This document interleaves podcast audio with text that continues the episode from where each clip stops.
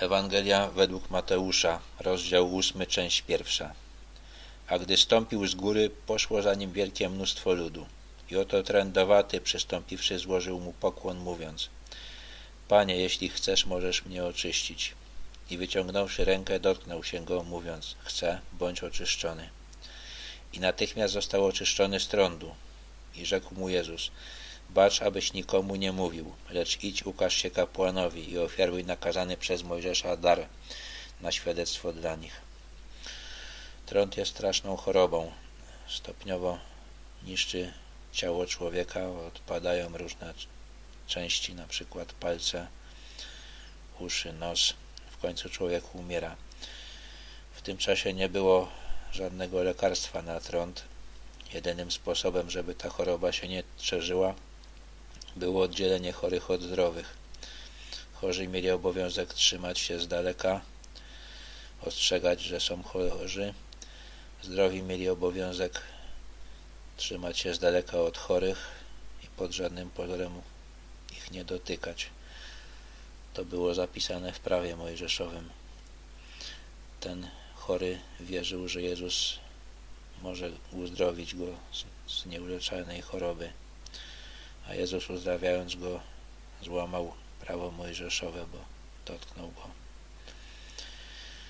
Mojżesz też napisał, co trzeba zrobić, jeśli ktoś zostanie uzdrowiony z trądu, jakie dary miały być złożone w obecności kapłanów. No i ten przepis wydawał się bez sensu, bo w normalny sposób nikt nie mógł być uleczony z trądu. Ale jednak ten przepis był i uważano, że kiedy przyjdzie Mesjasz, to trędowaci będą uzdrowieni. Dlatego Jezus posłał tego trędowatego do kapłanów, żeby zobaczyli, że przychodzi Mesjasz. A gdy wszedł do Kafarnaum, przystąpił do niego setnik, prosząc go i mówiąc – Panie, sługa mój leży w domu sparaliżowany i bardzo cierpi. Rzekł mu Jezus, przyjdę i uzdrowię go. A odpowiadając setnik rzekł, Panie, nie jestem godzien, abyś wszedł pod dach mój, ale powiedz tylko słowo, a będzie uzdrowiony sługa mój. Bo ja jestem człowiekiem podległym władzy i mam pod sobą żołnierzy i mówię temu idź, a idzie, innemu zaś przyjdź, a przychodzi i słudze swemu czyń, to a czyni. Gdy Jezus to usłyszał, zdziwił się i rzekł do tych, którzy szli za nim. Zaprawdę, powiadam wam, u nikogo w Izraelu tak wielkiej wiary nie znalazłem. A powiadam wam, że wielu przybędzie ze wschodu i z zachodu i zasiądą do stołu z Abrahamem i z Izaakiem i z Jakubem w Królestwie Niebios. A synowie Królestwa będą wyrzuceni do ciemności na zewnątrz. Tam będzie płacz i zgrzytanie zębów. I rzekł Jezus do setnika, idź, a jak uwierzyłeś, niech ci się stanie. I został uzdrowiony sługa w tej godzinie. Żydzi nie przestawali też z poganami. Nie wchodzili bez potrzeby do ich domów. Ten setnik zdawał sobie z tego sprawę i nie chciał, żeby Jezus miał w swojej społeczności kłopoty kiedy Jezus powiedział, że przyjdzie do poganina, to ci, którzy, go, którzy tego, to słyszeli, musieli być zszokowani mniej więcej tak jak wtedy, kiedy dotknął trędowatego. Setnik uważał Jezusa za kogoś, kto może rozkazywać wszystkim i wszystkim e, chorobom tak jak on może rozkazywać swoim żołnierzom.